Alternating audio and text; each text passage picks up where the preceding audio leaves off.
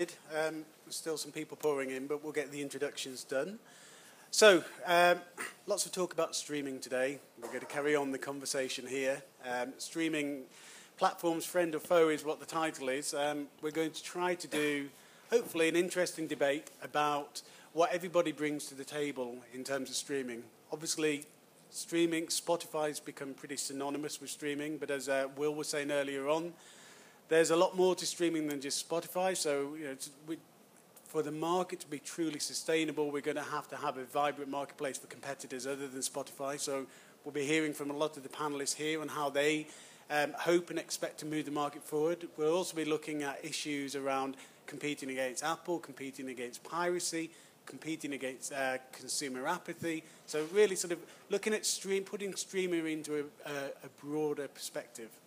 So, to some introductions. My name's Mark Mulligan. Um, I'm a music industry analyst. I've been doing this gig for uh, well over a decade now. So, um, before there was really much of a digital music market to talk of. Um, I'm a co founder of uh, MIDiA Consulting, a media innovation consultancy. And um, I'm going to let the panelists introduce themselves. Start with you, Eric, at the end. Uh, I'm Eric Mackay, uh, Director of Business Affairs and Business Development for Vevo. We're the global number one music video streaming platform.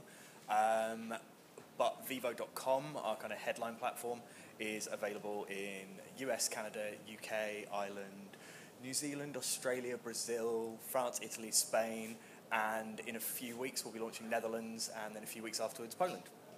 Uh, I'm the person basically does all the globalization. So I, I, do all the boring legal stuff and dealing with the lovely Buma Stemra. no, seriously, they're lovely.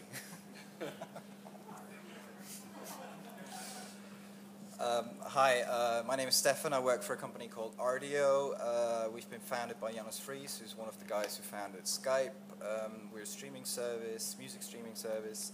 We're currently available in 17 different countries, including the Netherlands, uh, recently only launched.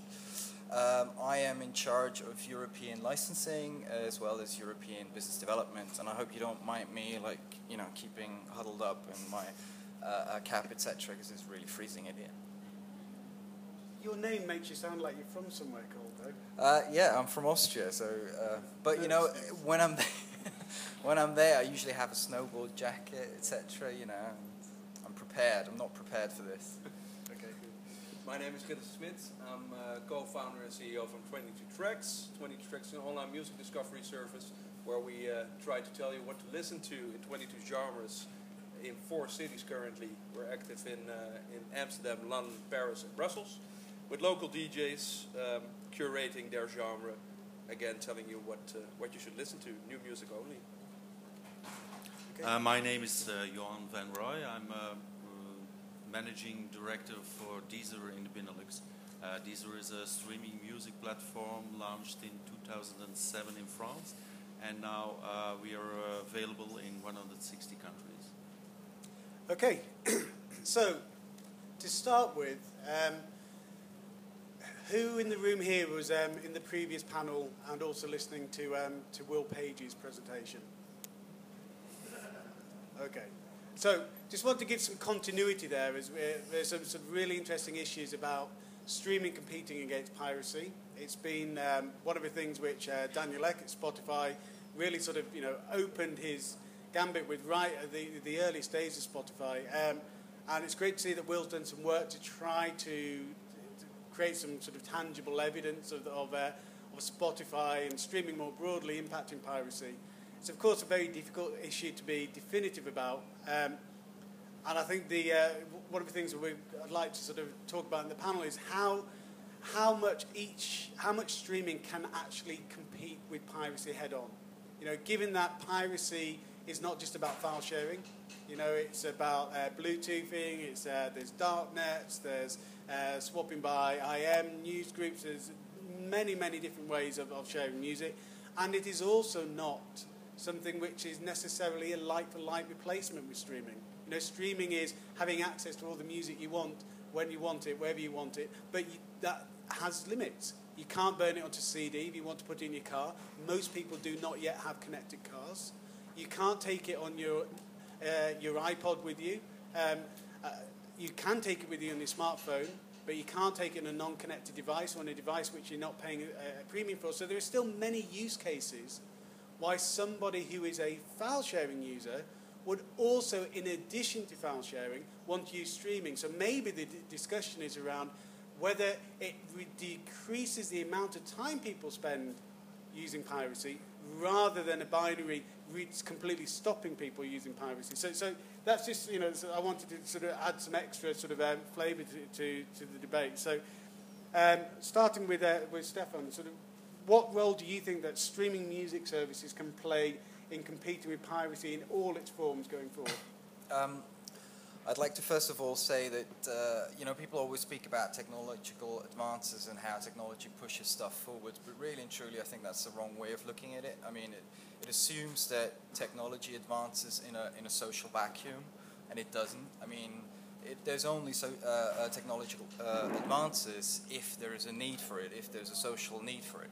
And I think what you highlighted there is that streaming, you know, satisfied that. It's sort of like I want to have access to my music wherever I go, and we, you know, our streaming service we do that now. However, it's still a bit of a battle. It's like how easy do you make it accessible in the car, for instance, as you said. So. Um, so yeah, I mean, there's, there's, there's still battles that we have to uh, uh, we have to face, uh, especially with content rights holders on the in the case of uh, cars, for instance. Um, but sorry, what was the question? I mean, well, you're halfway there. It's just how effectively do you think streaming can compete with piracy? you know, okay. let's let's nail it down to the next two years, rather than sometime in the future. Technology is going to get to a stage where there will be no reason that people need need to pirate. We're a good many years away from that yet. So let's just nail it down to the next couple of years. Um, well, I think uh, Peter Jenner said it. Uh, um, in the panel before, he was like, well, you know, the issue is that labels are still very much um, obsessed with chart positioning, therefore they create this windowing, which really hampers the, the revenue in, in, in the short term and in the long term, actually, because it doesn't make it available for people who want it now. And, and as long as we can't, as an industry, like satisfy that need, there's always going to be privacy. Okay. Um, Johan, what's your views from uh, from Deezer's perspective? I mean, do you see things in a similar manner, given that your your two are the most similar of yeah, the, uh, the, uh, the you know, businesses model. on the panel? Yeah, as long as and, and it's correct if, if the focus of the, the industry is on entre guillemets uh, old devices, uh, streaming has to do a special effort and has to to to um, if, if, yeah br- bring out the message what what you can do more.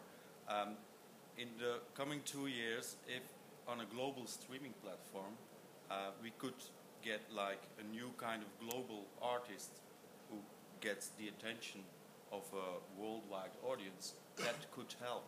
Of course, people downloading now um, and, and making it in a, in a gray zone, illegal zone, they don't bother. But if you have a platform that's easy to access, um, you can use it like you said, also offline for paying small fee, a fee that you just just should pay for one album.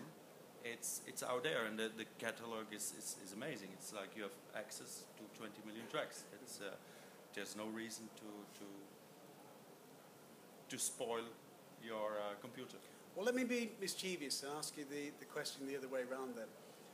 What are the benefits of using piracy as opposed to Deezer? Benefits. Um, no I, cost? No cost.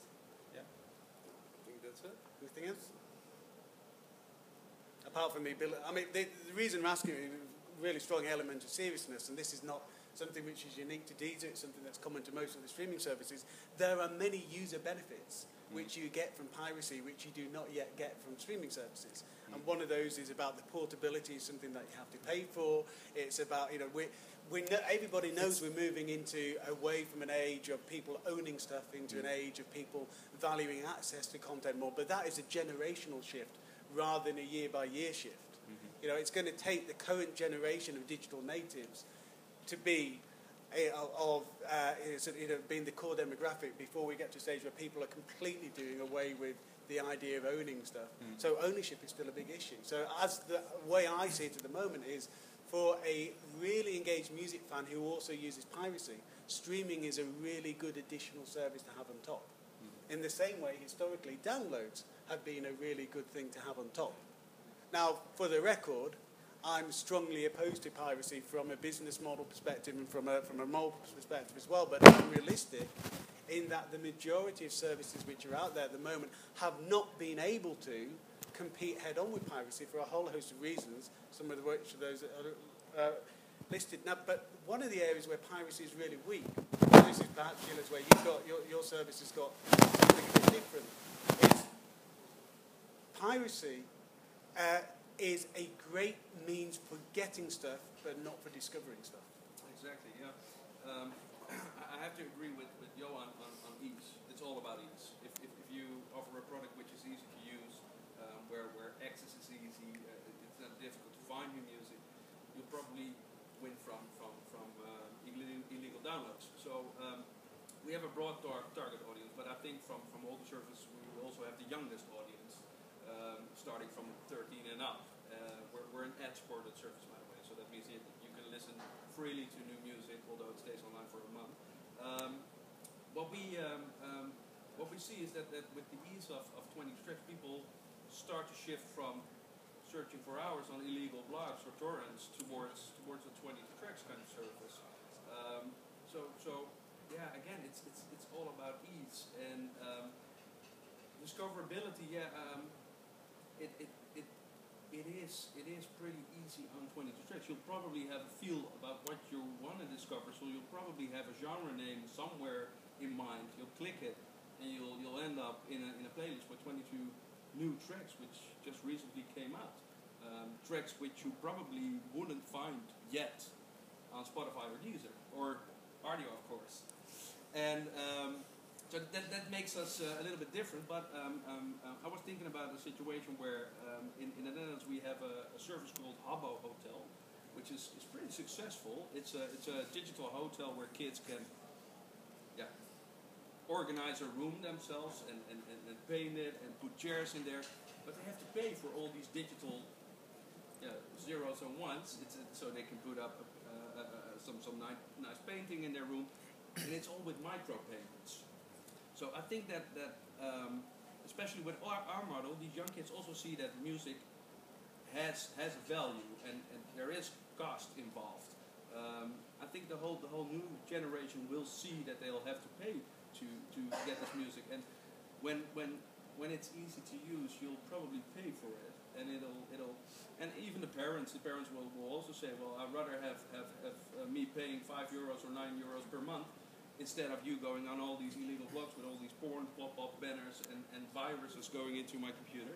Um, yeah, so it's Okay. all, yeah, ease. It's all about ease. Right. Can I quickly ask him something about convenience? Because um, so the, the main issue that I always feel that we all have is is that uh, yeah convenience. So uh, people go onto YouTube because you know like everything's there, and like even like the, the hottest new remix from I don't know, the the data or whatever is like on there straight away.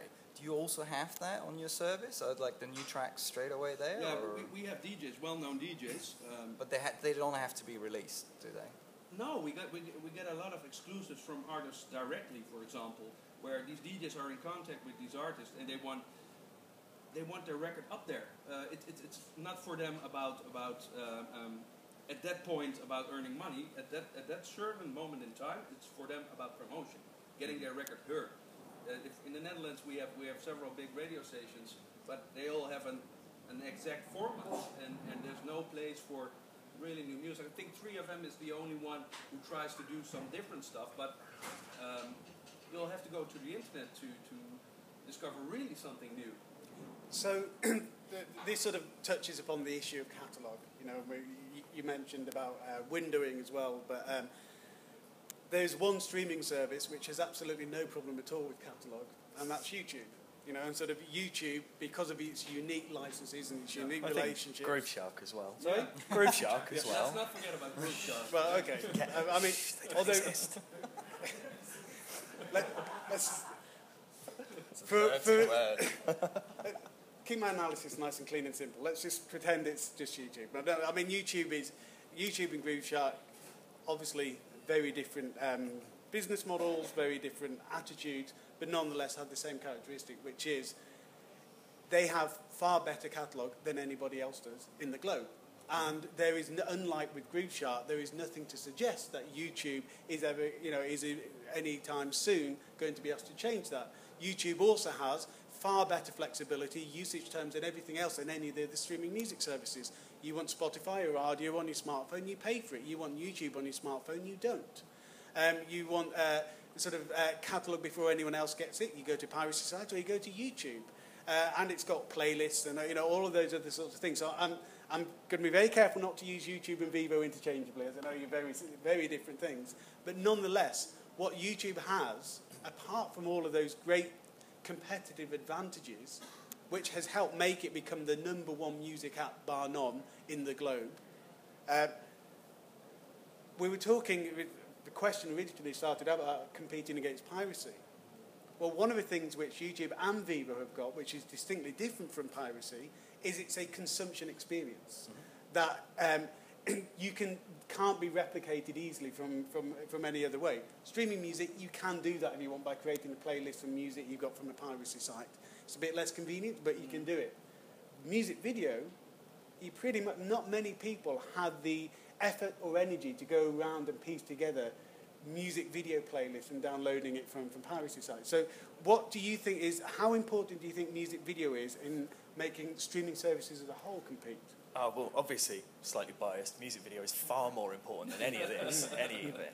Um, music video, historically, I think people seem to be looking at YouTube and Vevo in a very, very different way to everything else. But we're much more a broadcast model. We're about promoting releases. And, you know, we have frontline releases, we have catalogue releases. There's lots of different things we can do to push the content. But we are a promotion vehicle. Music videos are created to sell singles, which don't make any money, which are there to sell albums, which hopefully one day will make some money. But YouTube as a whole, the whole point of Vevo being created was YouTube CPMs were so, so low that you would never ever recoup the half a million dollar cost of a Beyonce video. Vevo charging high CPMs mean the likelihood is you probably will. And you know, we see spikes on the service for things like Nicki Minaj, Justin Bieber, One Direction.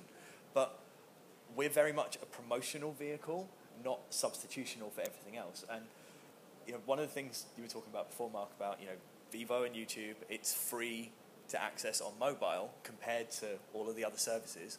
Well, you know, that's just the way it is. Mm-hmm. Um, we've negotiated into our license deals that mobile is part of the output, but also you forget that technology is bringing the two together. It's all well and good saying, "Ah, well, I have a mobile app, therefore it's a slightly different thing." Well, mobile web does that count as web or does it count as mobile? The thing that we miss though is you can't cache anything offline. All the services that charge you, you can listen to them on the tube in London and you can take your playlist offline. You have to be fully connected to the internet to watch a music video on Vevo or YouTube, unless you rip it illegally from one of the various sites that we do not condone. Um, I think we're a very, very different platform to all the others. You know, we, we have windowing to a different degree. Francis Keeling said, you know, windowing kills our industry. Now, I know Francis really well. I think he's a brilliant, brilliant businessman. But he said that just after Rihanna and Taylor Swift windowed their releases. They're both universal artists. It didn't make any sense. But on the flip side, if you don't do what your artist wants, they won't record another album for you and they'll stick two fingers up and tell you where to go. Unfortunately, you can't bottle creativity. So you have to adhere to these very strange demands.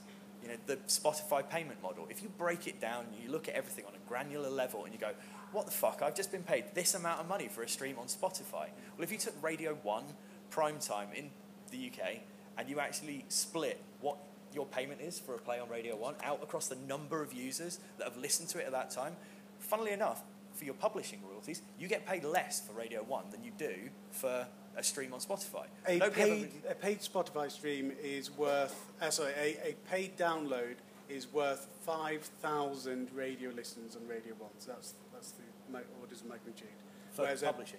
A, uh, for, for artist income for a, uh, a performer, songwriter, compared to about um, a multiple of about 60 for a paid stream. So yes, it's, you know... It's, so it, it's, I think we look at everything in a vacuum all the time, And one of the things that Pete Jenner was talking about before is about access. And if you don't make it easy for people to access things, they'll go somewhere that is easier because they'll try it the legal way first. If they can't get it, they'll go the illegal way, and then they won't try the legal way the second time. So the industry, music industry as a whole, really needs to be a little bit more open about trying new things. And I think this is the interesting thing about all the streaming services that are out there. Everybody does something slightly different, but they're always treated with contempt before they do it. You know, MP3 players were highly prevalent before MP3 downloads were legally allowed to be bought. It just doesn't make any sense that you're constantly fighting change as an industry when there's a, other, a whole other world of monetization that you can really tap into. You know, you don't Well- have to give everything away. So, so the pace of change is an important one, and you know that that issue is not going to change anytime soon. It's there will always be a case of rights owners catching up with, with technology. It's just the nature of how technology works. So that's always going to be a dynamic. But one of the things is the changes in attitudes, uh, you know, and outlook and vision need to. Uh, they're less tied to you know to specifics. That, there is no excuse for that changing. And I, I'm just sort of the reason I'm picking up on this point is because you, you made a, a, an observation about you're a promotional vehicle rather than a consumption vehicle. And the implication is that services like Rdio and Deezer is much more about consumption. But does a consumer actually break it down in that sort of way anymore? Because when you had radio and he had a CD, you could say one thing was very much a product and one thing was very much promotional. But for a 12 year old who's building playlists on YouTube, and that's the main way that they listen to music when they're uh, online or whatever else, hasn't the journey become the destination? Uh, not necessarily. You know, we have. If you look at the catalogue of a stream, a typical streaming service that's Rdio, they have you know 13 to 16 million songs in that catalogue. We have 70,000 videos. You know, it's really not that many. So for us, it's about promoting those videos to then promote the streaming on the other services. I think we're we fall outside of the kind of typical streaming model because you know YouTube. You're right. You can get everything on YouTube. But the difference between YouTube and Grooveshark is YouTube adhere to their takedown notices. So if you issue them as a record company a takedown notice for infringement, it may take a bit of time, but they'll take it down. You know, we have people infringing on our word marks all the time. I issue a takedown notice for a channel on YouTube because somebody's passing it off as a Vevo channel. They take that channel down. Mm-hmm. You know, there's a big, big difference there. But yeah, you know, for us, we're about official frontline video release products. Mm-hmm. You don't have UGC on Vevo, so Right. it's, it's a very different thing. So let's let's move it. We've, we've talked about sort of competing with piracy, indirectly competing with with YouTube. Um, one of the other ones is competing with Apple. Now, Apple isn't the interesting company to talk about anymore. You know, sort of the, conversation is is all about streaming, and rightly so. That's you know, and, and Apple will probably have some card to play in the streaming game in the not too distant future. But give us a sense of perspective here. If you look at the top 10 music markets in the world and look at the amount of revenue, digital revenue, that came from streaming in 2011, full year, was 11%. So 89% of digital music revenue in the top 10 music markets in the world still comes predominantly from downloads. And the CD, we all know, is a dying product. Yet when you put the CD and iTunes together, it's about 65%, 70% of all music revenue, entire music revenue is coming from there. So one's coming from a dying product, and the other is from one which doesn't seem to be innovating very quickly. So it's great to see all the momentum from the companies you know, on the table and Spotify, etc. But how long is it going to take before? Because everybody talks about scale. The artist issue, it comes down to scale. You know, the, the su- su- success of, of, of moving people away from the idea of ownership to access, it's all about scale. How long is it going to take for scale to happen? So first over to Deezer. And tell, tell me what you think scale is, what it means, what is going to be a measure of success for streaming as a whole, and how long is it going to take for us to get there? Um, it. Oops. Yeah. Um, scale is um, yeah i- is for a platform um, everything. Like uh, if you uh, are available, like I said, in, in a lot of countries, um, you you have local people over there working on it. Before, for example, the the music industry was focusing on yeah, let's first release a single, then that could promote an album.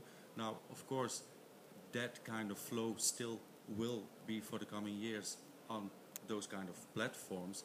But if the album is out there, you get other uh, listening uh, behavior. So that will also change the way music is set into the market. Um, it's a catalog, it's about access and consumption. The, the, the way people consume music is, uh, if you see, for example, on Deezer, people are listening for 60 hours a month uh, to music. So being, making it accessible, make consumption of music also raise. So how many how many paid music subscribers do there need to be in the world before we can start talking about streaming fulfilling its potential? It just have has to be a percentage of um, of, of, people who log in into your system. Uh, for the moment, we uh, we have like more or less 10% paying subscriber. Like we have 26 million people using Deezer. Last month, um, the latest uh, paying member base was 3 million. Um, it has to be a bit more uh, like that. So the reason I'm, I'm pushing, and I'm going to ask you the exact same question in a moment, Stefan, is we, if we're trying to measure what scale is, Apple is a success in the digital space. Apple has 400 million credit card linked accounts. So we have a measure of what scale means and success of scale means in the digital space. But Apple is not doing enough to, to save the music industry at the moment. Total music sales are still declining more quickly than digital can turn it around. So 400 million credit card linked accounts is still not sufficient scale to start turning the music industry around. So now clearly, you know, there's we're not comparing, for, pardon the pun, apples, you know, apples to apples. There really are different differences here. A 9.99 subscription customer is a much more valuable one than the average a la carte Apple customer. But nonetheless, what is the measure of success before we can start saying people will no longer have any reason to doubt what value streaming services bring. Is it 50 million? Is it 100 million? What? Well, you actually would know better than me because, I mean, you do this all the time. Um, but um, the one thing that I'd like to say is that, uh, yes, it is a transition. And as far as I can tell, Rdio is the only service that actually does something actively to, to, to speed that transition up. Uh, by we launched uh, uh, something called the Artist Program, where basically we um, we pay ten dollars uh, for every new subscriber that has been brought in from an artist, right? So. So we try, but we realize that yes, you know, for an artist, it is a bit of a, a sad sob story at the moment because they're not getting the kind of revenues that they're used to. But I mean, I don't see any other company doing anything for it to speed that transition up because we all we all take it as a given that yes, that's the future. Streaming is the future. But yeah. So so one of the things which um, Will mentioned on the on the panel early on, which is a huge difficulty about any debate around streaming, is the black box which exists between when a streaming service pays money to a rights holder and when a rights holder pays that money to an artist. Can I just say quickly about that black yeah. box? I think from you know, my background, I was at CELAS, who licensed the EMI's publishing rights digitally throughout Europe. Um, we were the big bad boys of publishing licensing. Everybody fucking hated us because we went into the market and we were really hardcore about how we licensed. The whole point of those licenses were about breaking down those, those black box payments. But the people who are taking that money for Black Box, we're not sitting on this stage. It's all the collection societies. They're the ones who actually take that money, and then they decide what to do with it. You know, South African society SARRAL basically were shut down for misappropriation of royalties. You know, we're not the ones doing wrong here. We want to pay. How you're paid beyond that isn't down to us. You know, we sign massive checks to go over to all the rights holders, whether they're direct with artists, their labels, their publishers, their collection societies. Huge amounts of money goes out of our pockets into the rights holders. If they don't pay you, this is about your audit clauses with them. This isn't about us being really, really bad and trying to fuck the music industry over. So I think there's a really interesting thing that's driven all of this. It's been a coming of age for artists, and with the social tools that they've got, being able to have a voice. Back in you know the days of Napster, you had to be Lars Ulrich to be able to have a voice to speak out. Now you don't have to be a successful artist. You can be a fairly small scale artist, but have the intellect and the capability and lots of numbers to be able to make an argument, and you are a very vibrant part of the debate. And I think that's what's changed. So I think it's almost that streaming is in the wrong place at the wrong time because so many of these issues apply equally to download stores and services as well. You know, the exact same issues about, you know, sort of how a record label recoups, etc., applies to downloads as they do to, to streaming. But uh, Gila, do you were sort of, uh, I think your service is, is in many ways has a different relationship with artists because you've got a lot of sort of DJs and producers pushing music straight to you. Do artists see you differently than they do other streaming services? And if so, what do you think are the, the biggest ways that they see you being different? Well, I think that the, the artists themselves see, see as, as, as a truly promotional service. Um, um, merely as maybe maybe even as a, as a, as a testing tool, where they would upload their track or, or, or uh, make sure that a DJ puts their track on to see what it does, virally to see what it does on social websites. Um, uh, we got our author license in place, of course, so, so, so we're paying. Um, um, but um, it, it, it, um, it's, it's, yeah, but we're, we're, 20 tracks isn't changing the whole music industry. What we're doing is just making it more easy to find this new music, where we think that it's one big mess currently, and it's Yeah. pretty hard to, to find new music. So what we do is whenever you find a track and you love it, um, you'll, you'll gradu- gradually see it going down because, because of the updates every week. Um, and then we point you towards iTunes or Spotify or Deezer or Rdio, and, and yeah, you should, should go and, and, and, and go further with your listening experience over there. So, um, yeah, our only goal is to make sure that you'll be able to find the best new music. Yeah.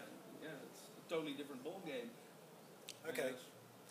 So I'm just going to throw a couple of different numbers out at you to, to give you a sense of, to sort of balance things out. So I was saying before that streaming only accounts for around about 11% of digital music revenue in the world's top 10 markets. To get a sense of where, how big a role streaming could play, if you look at Sweden, Sweden in this same period, 82% of digital revenue came from streaming. In the first half of 2012, that was up to 89%. Holland's round about the sort of the 15% mark. Now, so you do, you can, there can be an incredibly quick transition. There are other markets around the world, like uh, Mexico's one, where you have markets where di- uh, streaming is picking up really quickly. Typically, it happens when the CD market has already tanked. You know, so when things have already got, when the market's almost hitting the bottom, that's when streaming really can start to rock it up. We saw the same in South Korea uh, with, with uh, Melon, with the subscription service that helped bring the digital market back up from a really low base where the market had bottomed out. So, um, question to each of the panelists is, do we have to wait for the music industry to get even worse before streaming comes to save the day? I don't, I don't think so. I mean, it's it's really up to, well, it's, it's mainly up to the content right holders. Really, it's up to the labels to, to, Yeah. to make proper deals and actually, you know, let, let us do our job Tell, properly. tell me what a proper deal is. What are you missing? in, in an ideal world, I'd like to give you a blank piece of paper. What would you want that you don't have at the moment? Oh no. Um, And this I, is I, I, I can't I can't uh, say No, but give it anything the- without digging myself. But in, in some, in you know, in, In gen, broad general, terms, broad generalities, terms. yes. Um, well, I guess uh, I would reduce something called a floor, uh, or get rid of it completely. Do you want to explain a bit to the audience? Um, uh, well, um, You started it. yeah, shit. no, okay, I'll, I'll let you off the hook. I'll let you off the hook. Thanks, thanks. Okay. Um, So, yeah, so um, well, I guess I mean, it, yeah. So it's, in in one way, it's it's it's the deal side. On the other side, it's it's you know it's really down to convenience and just like doing educational work, you know. And and we're going to talk about you know apathy in a second, I guess. And and that really is still the biggest problem for streaming services is that you know that you you telling me earlier that uh, um, was it five million five and a half million people in the UK Yeah. stopped buying music since 2008. And that and that is obviously a shame because obviously we would like to get those five million on board and, and make sure that they go back into you know listening to music and paying for it because ultimately you know listening to music um, is an experience that should be valued and if it's valued you should be happy to pay for it right um, but for some reason like, those five and a half million people just don't think it's worth it and and the question is okay why is that Do, is it convenience is it they're just immoral bastards uh, or whatever you know So, Eric, you, you, you making a big point earlier on about how what you're doing is driving people onto their destination. You're a, you know, you're a, a discovery and promotional tool. But if all the, the actual destinations are disappearing or not moving much in the way that you know iTunes isn't growing much anymore, then where are you going to be sending them to? You know, those five and a half million people stopping buying CDs, and you know, if streaming services are growing but not growing at an astronomical rate, where are they going to go? Well, we're constantly looking for new places to send people. You know, one of the things that I think tech companies have got really, really well that the music industry has struggled with is tech companies, especially you know, Stefan, part of his job is business development. So it's about looking at new opportunities, how you can grow, where you can go next. The music industry is very much about what's directly in front of me and what's happening to that right here, right now. But you know, when physical markets tank, which they do in every market, apart from weirdly Germany, but you know it has no digital market. It's the so, Schlager. so it's it, that kind of thing. It's just insanity that you you're constantly looking at one point in front of you. We look at all the different opportunities. One of the things for Vevo at the moment is we're looking at uh, the living room. You know, people consume media in the living room. How do we make sure we're where they want to consume music videos when they want to see it? So, you know, we've just launched on Roku. We've announced lots of other kind of digital platforms that are TV related.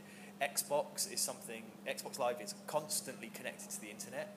For us, it's been a weird transition into the living room. Um, building for TV natively is really expensive because every single TV uses a completely different operating system. So you have a huge cost to build for it. Whereas something like Xbox, you have one build and you're on every TV, and everybody that uses Xbox Live is used to being on the internet anyway because that's how you become a really big geek gaming with your mates. So for us, that's a much better opportunity, and we're looking at where we go next and how we do this and where are the opportunities. The music industry is very much like, oh well, we have all of our money with Apple at the moment, and that's great. But as you said, it's it's not growing to the extent it was growing. Now, what's the next thing beyond Apple? What's the next thing beyond Spotify, Deezer, Rdio, everything? What's the next thing beyond Vevo? You know, what's the next thing beyond YouTube? They're not looking that far ahead. They're just going, well, this is where all my money comes from now.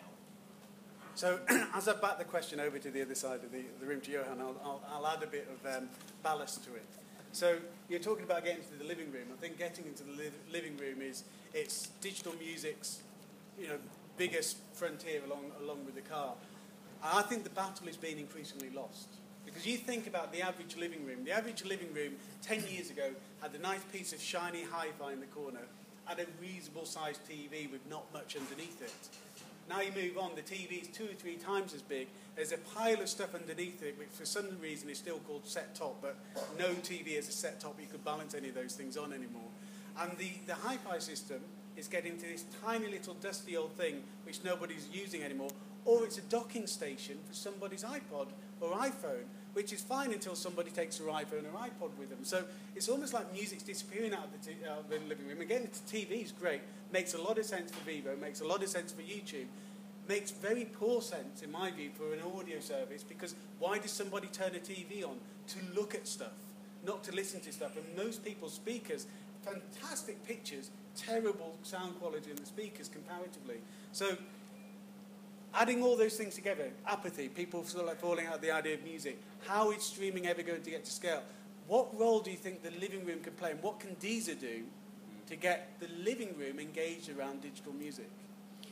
I think we can. Um, we, we, we, I, I agree with that. Um, everybody on this side of the panel, we, we should think about innovative uh, new ways of music consumption what we, for example, at Deezer, we opened up our API. So we are saying like, we don't know it, guys. We're just doing the job and we're dealing with, with, with contracts and we're making uh, things happen on our platform.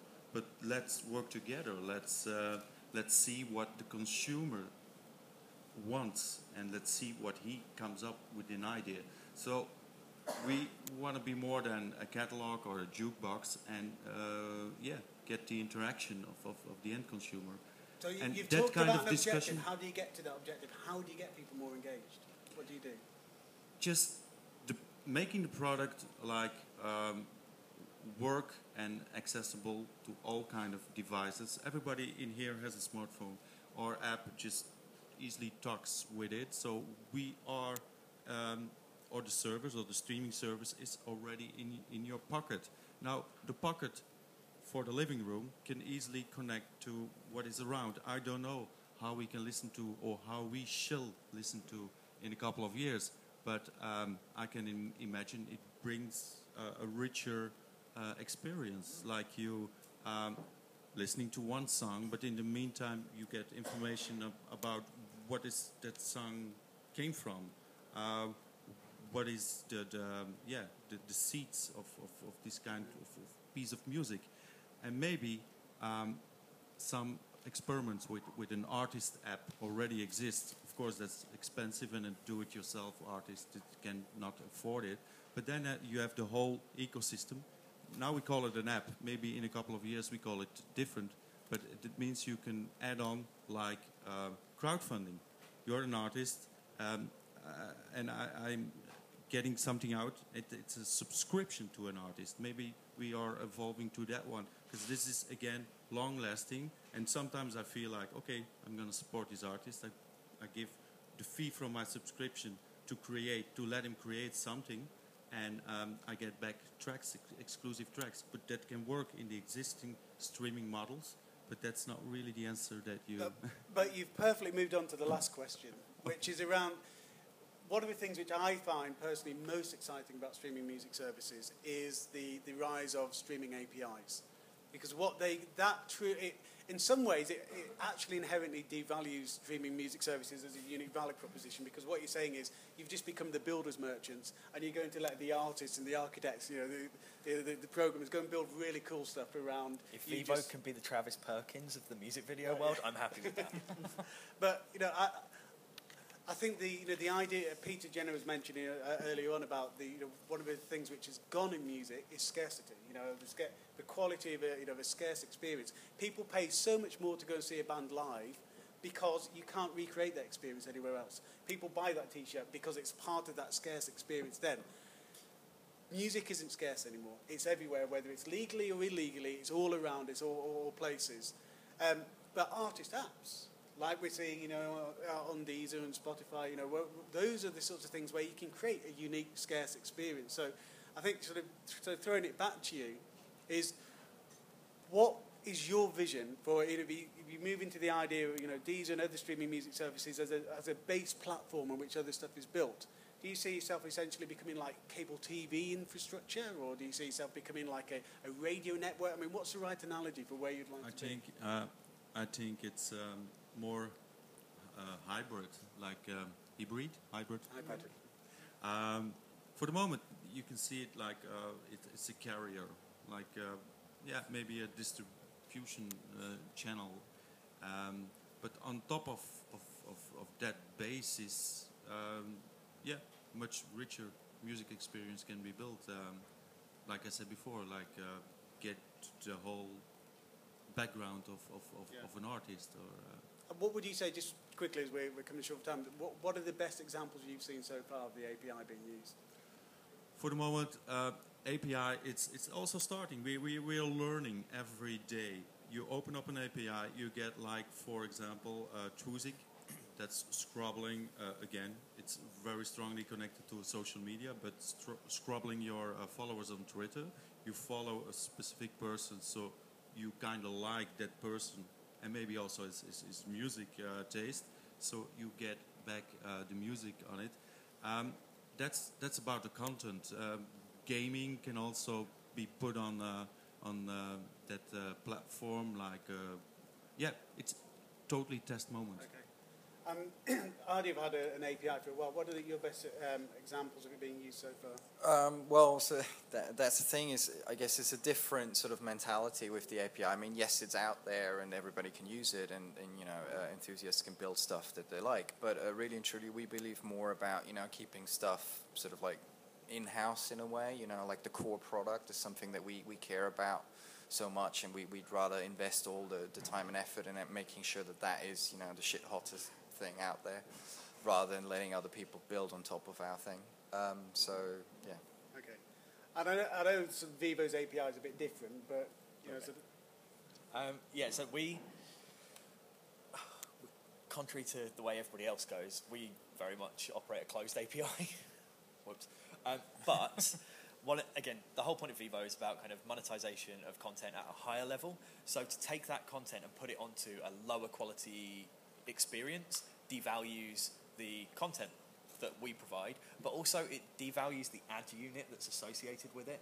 So a big part of what we're going to look at, at this year is uh, how we syndicate the player out. So it's looking at kind of media outlets, so whether it's The Guardian or um, NME or wherever, um, to allow them an official access to our API so that they can build things within their environment. Because then at least we still control the environment and we can offer um, not just value to the rights holders that entrust us with their rights, but also to the brands who choose to advertise on our platform over and above anything else. Because it's a really competitive market, and we need to be able to show that if you are um, Procter and Gamble, what you're advertising against doesn't have, as Will had on the slide before, Chinese brides next to it. You know, that really devalues your product. So for us, it's about controlling the environment and making sure that it's as clean an experience as it possibly can. Okay, just to finish, one word answer from each of them this. The, the, the panel is friend or foe streaming. Nobody here is going to answer foe.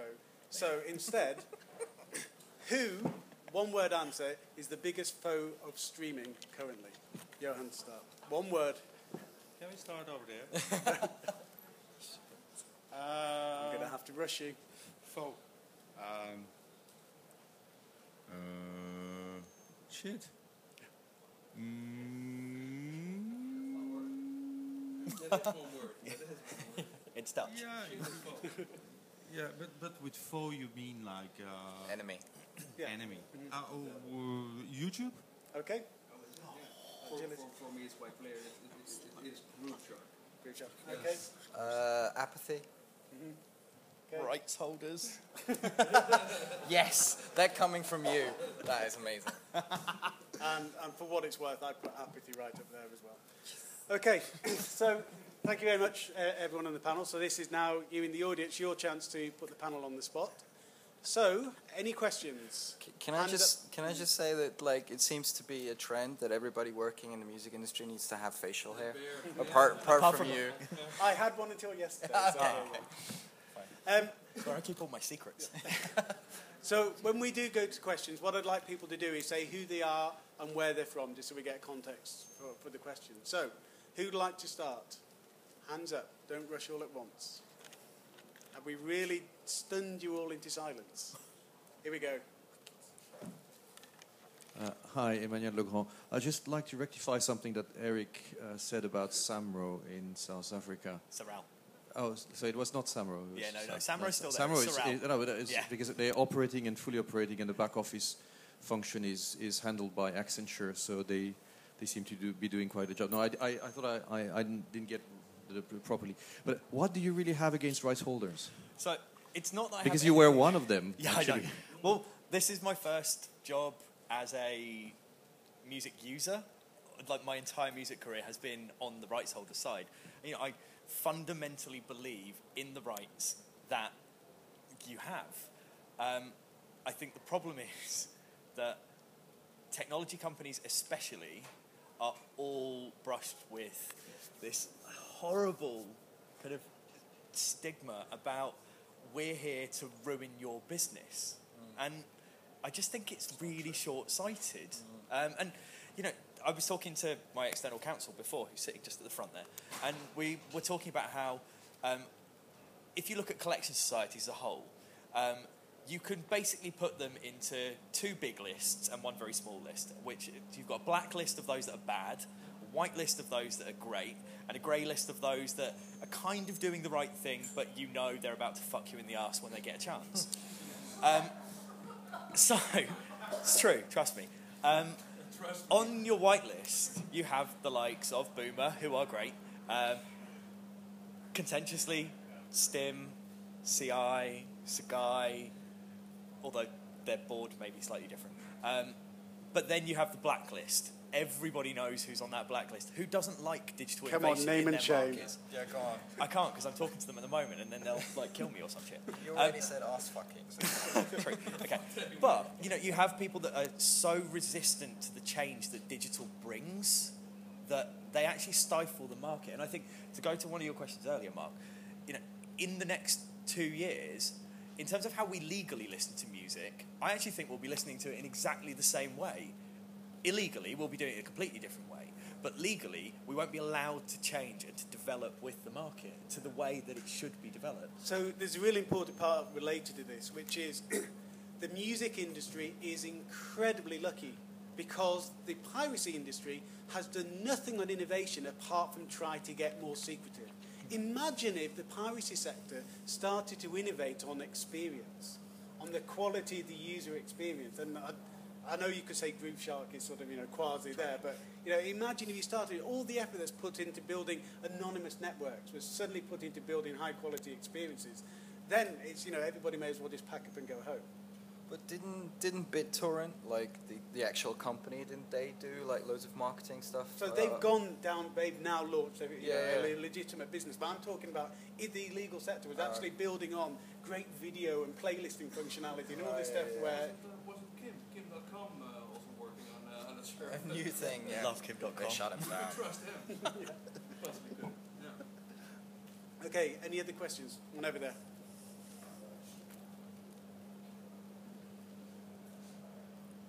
Hi, I'm Leon from Deventer here in Holland, and I'm developer and I love APIs. But uh, I reckon uh, a big foe of the streaming industry would be the sound quality. If you like uh, buy a CD, it's most of the time a better quality than the streaming quality. What's your point on that? Who wants to take it first? Uh, well, well, um, um, we're compared to the other other guys on, on board. We're, small startup, so it's all about broadband and the bandwidth that we use. So currently we use a one, hun- uh, 128 kilobit. Yes, correct. Um, so that's quite low. But then again, we're here for discoverability, and we'll point you towards these other services where hopefully you'll listen in a higher quality. I'm not sure, but um, Yeah, premium premium members. Uh, yeah, it's uh, MP, MP3 quality, but that that's the whole uh, discussion. Like uh, the young generation, they are grown up with uh, with MP3 quality. I mean, the, the music is recorded in in in, in expensive, no, not always, but uh, studios to, to to sound it really well. And um, I know I read about uh, Neil Young is is also working on a high fidelity and had before with Steve Jobs like a project going uh, or talking uh, about it. Uh, yeah, and it's it's a bit about um, if broadband, uh, if if things get faster, also the the quality will run up. Yeah. Also, I mean, I think seeing that you're a developer and you're probably also an audiophile, you know, you really care about quality, etc. Um, you might forget that that's the minority of people. Unfortunately, like I also, I, I I'm a DJ. Like I listen to vinyl at home. I love it. But you know, like before we, before Rdio went to Brazil, the the big thing there was the kids basically ripping YouTube streams, remixing that, and then putting it back up so that other people could remix it as well. And obviously, the quality is going to deteriorate ever more, but they didn't care. So a friend of mine who's a producer, he um, again mixes amazing studios, everything sounds great, but he's got this really shitty little ghetto blaster that he sits at the side of the desk that he channels everything through because he knows that the majority of people listen through really bad audio equipment. If you can make it sound amazing when it's high fidelity, and you can make it sound amazing when it's going through a really, really bad speaker system on a radio, then you've got a hit. Oh. Something that will get picked up and played everywhere. And you know, I think it is the minority. Very few people really want that lossless experience where the slightest drop of a pin you can hear. Most people don't give a shit. Taylor Swift doesn't give a crap. Yeah, I'm, so I, I'm a small-time music producer as well. I've got a nice studio with uh, sort of nice, nice monitors in. I first admit that quality doesn't matter. You know, I'm from the generation which was brought up on every year that would go by, quality became more important. The transition to better sound quality with the CD, better quality audio, audio separates. That that isn't what matters anymore. It's the accessibility of music, the availability of music, and music is more of a portable experience than it's ever been before. You know, you you know, even with the best in-ear headphones, which is what the majority of people listen with, you've got really narrow frequency response. You don't hear you know, even if the quality is good, you're missing out on most of the quality. The place where I think quality matters most is actually still the physical sector. And the high end of the CD market is a one bit which has been booming incredibly well over the last few years because the audiophiles, who are all on vinyl, finally they've realized the CD is dying. They've decided it's probably time that they can adopt it. And now you're getting lots of really high end CD audio happening. Um, I think there's a market for that, but mass market, I think it's all about experience, the accessibility, the context, all the things which digital enables.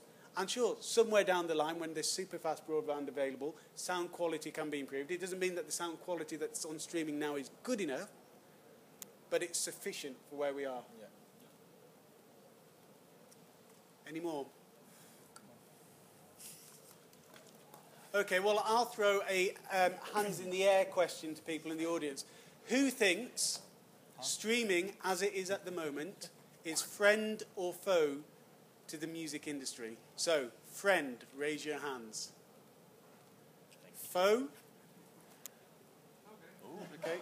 Okay, there were a couple of abstentions there. Okay, so There was definitely a foe. microphone to the front. We're going to find out why. We've got the microphone.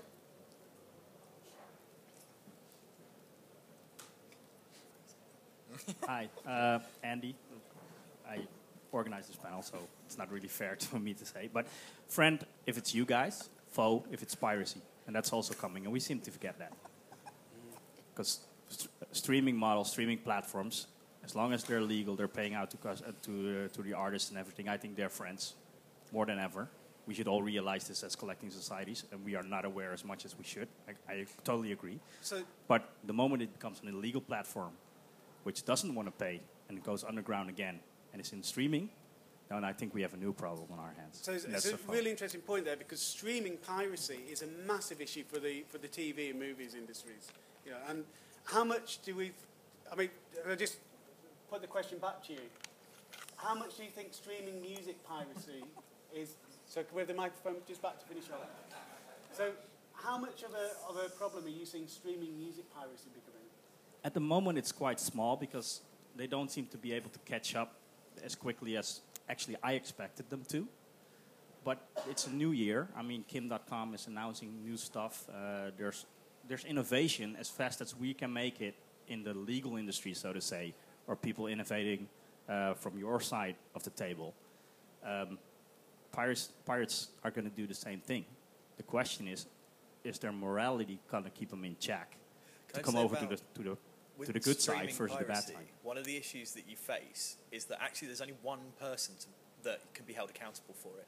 So if all of us were watching Homeland streaming on some dodgy website, we're not to blame. No, we can't be. We can't be No, I know. in front of a court of law. There's one person. It's the person that uploaded that and has served that out. The downloading, you have multiple points of contact where ah. there can be a legal case. Sorry to bore the shit out of you with legal stuff, but to watch a stream, if I did that, I'm not breaking any laws. No, it's and not there's about the other issue that you have. Is, you know, I'm not. I don't want to go it. into the law, if it's law or if it's not law. I mean, if you want to monetize music, and that's basically what we're always talking about when we talk in the music industry about music. Let's be honest. If you want to monetize music, you have to be able to monetize it because you have the choice to monetize it as an artist, as a platform, as a label, as a copyright society, whatever. If you, that ta- that choice is being taken away from you by some dodgy kid in Russia because he uploads it to a streaming service which is illegal, what all of the things you just said, then you take away that choice, and then the monetization dies. That's where I think could be the foe in streaming. That's what I mean. Okay, well, we're up against the hour, so uh, thank you to all of the panelists here, and thank you to you, the audience. Thank you, Mark. Thank you.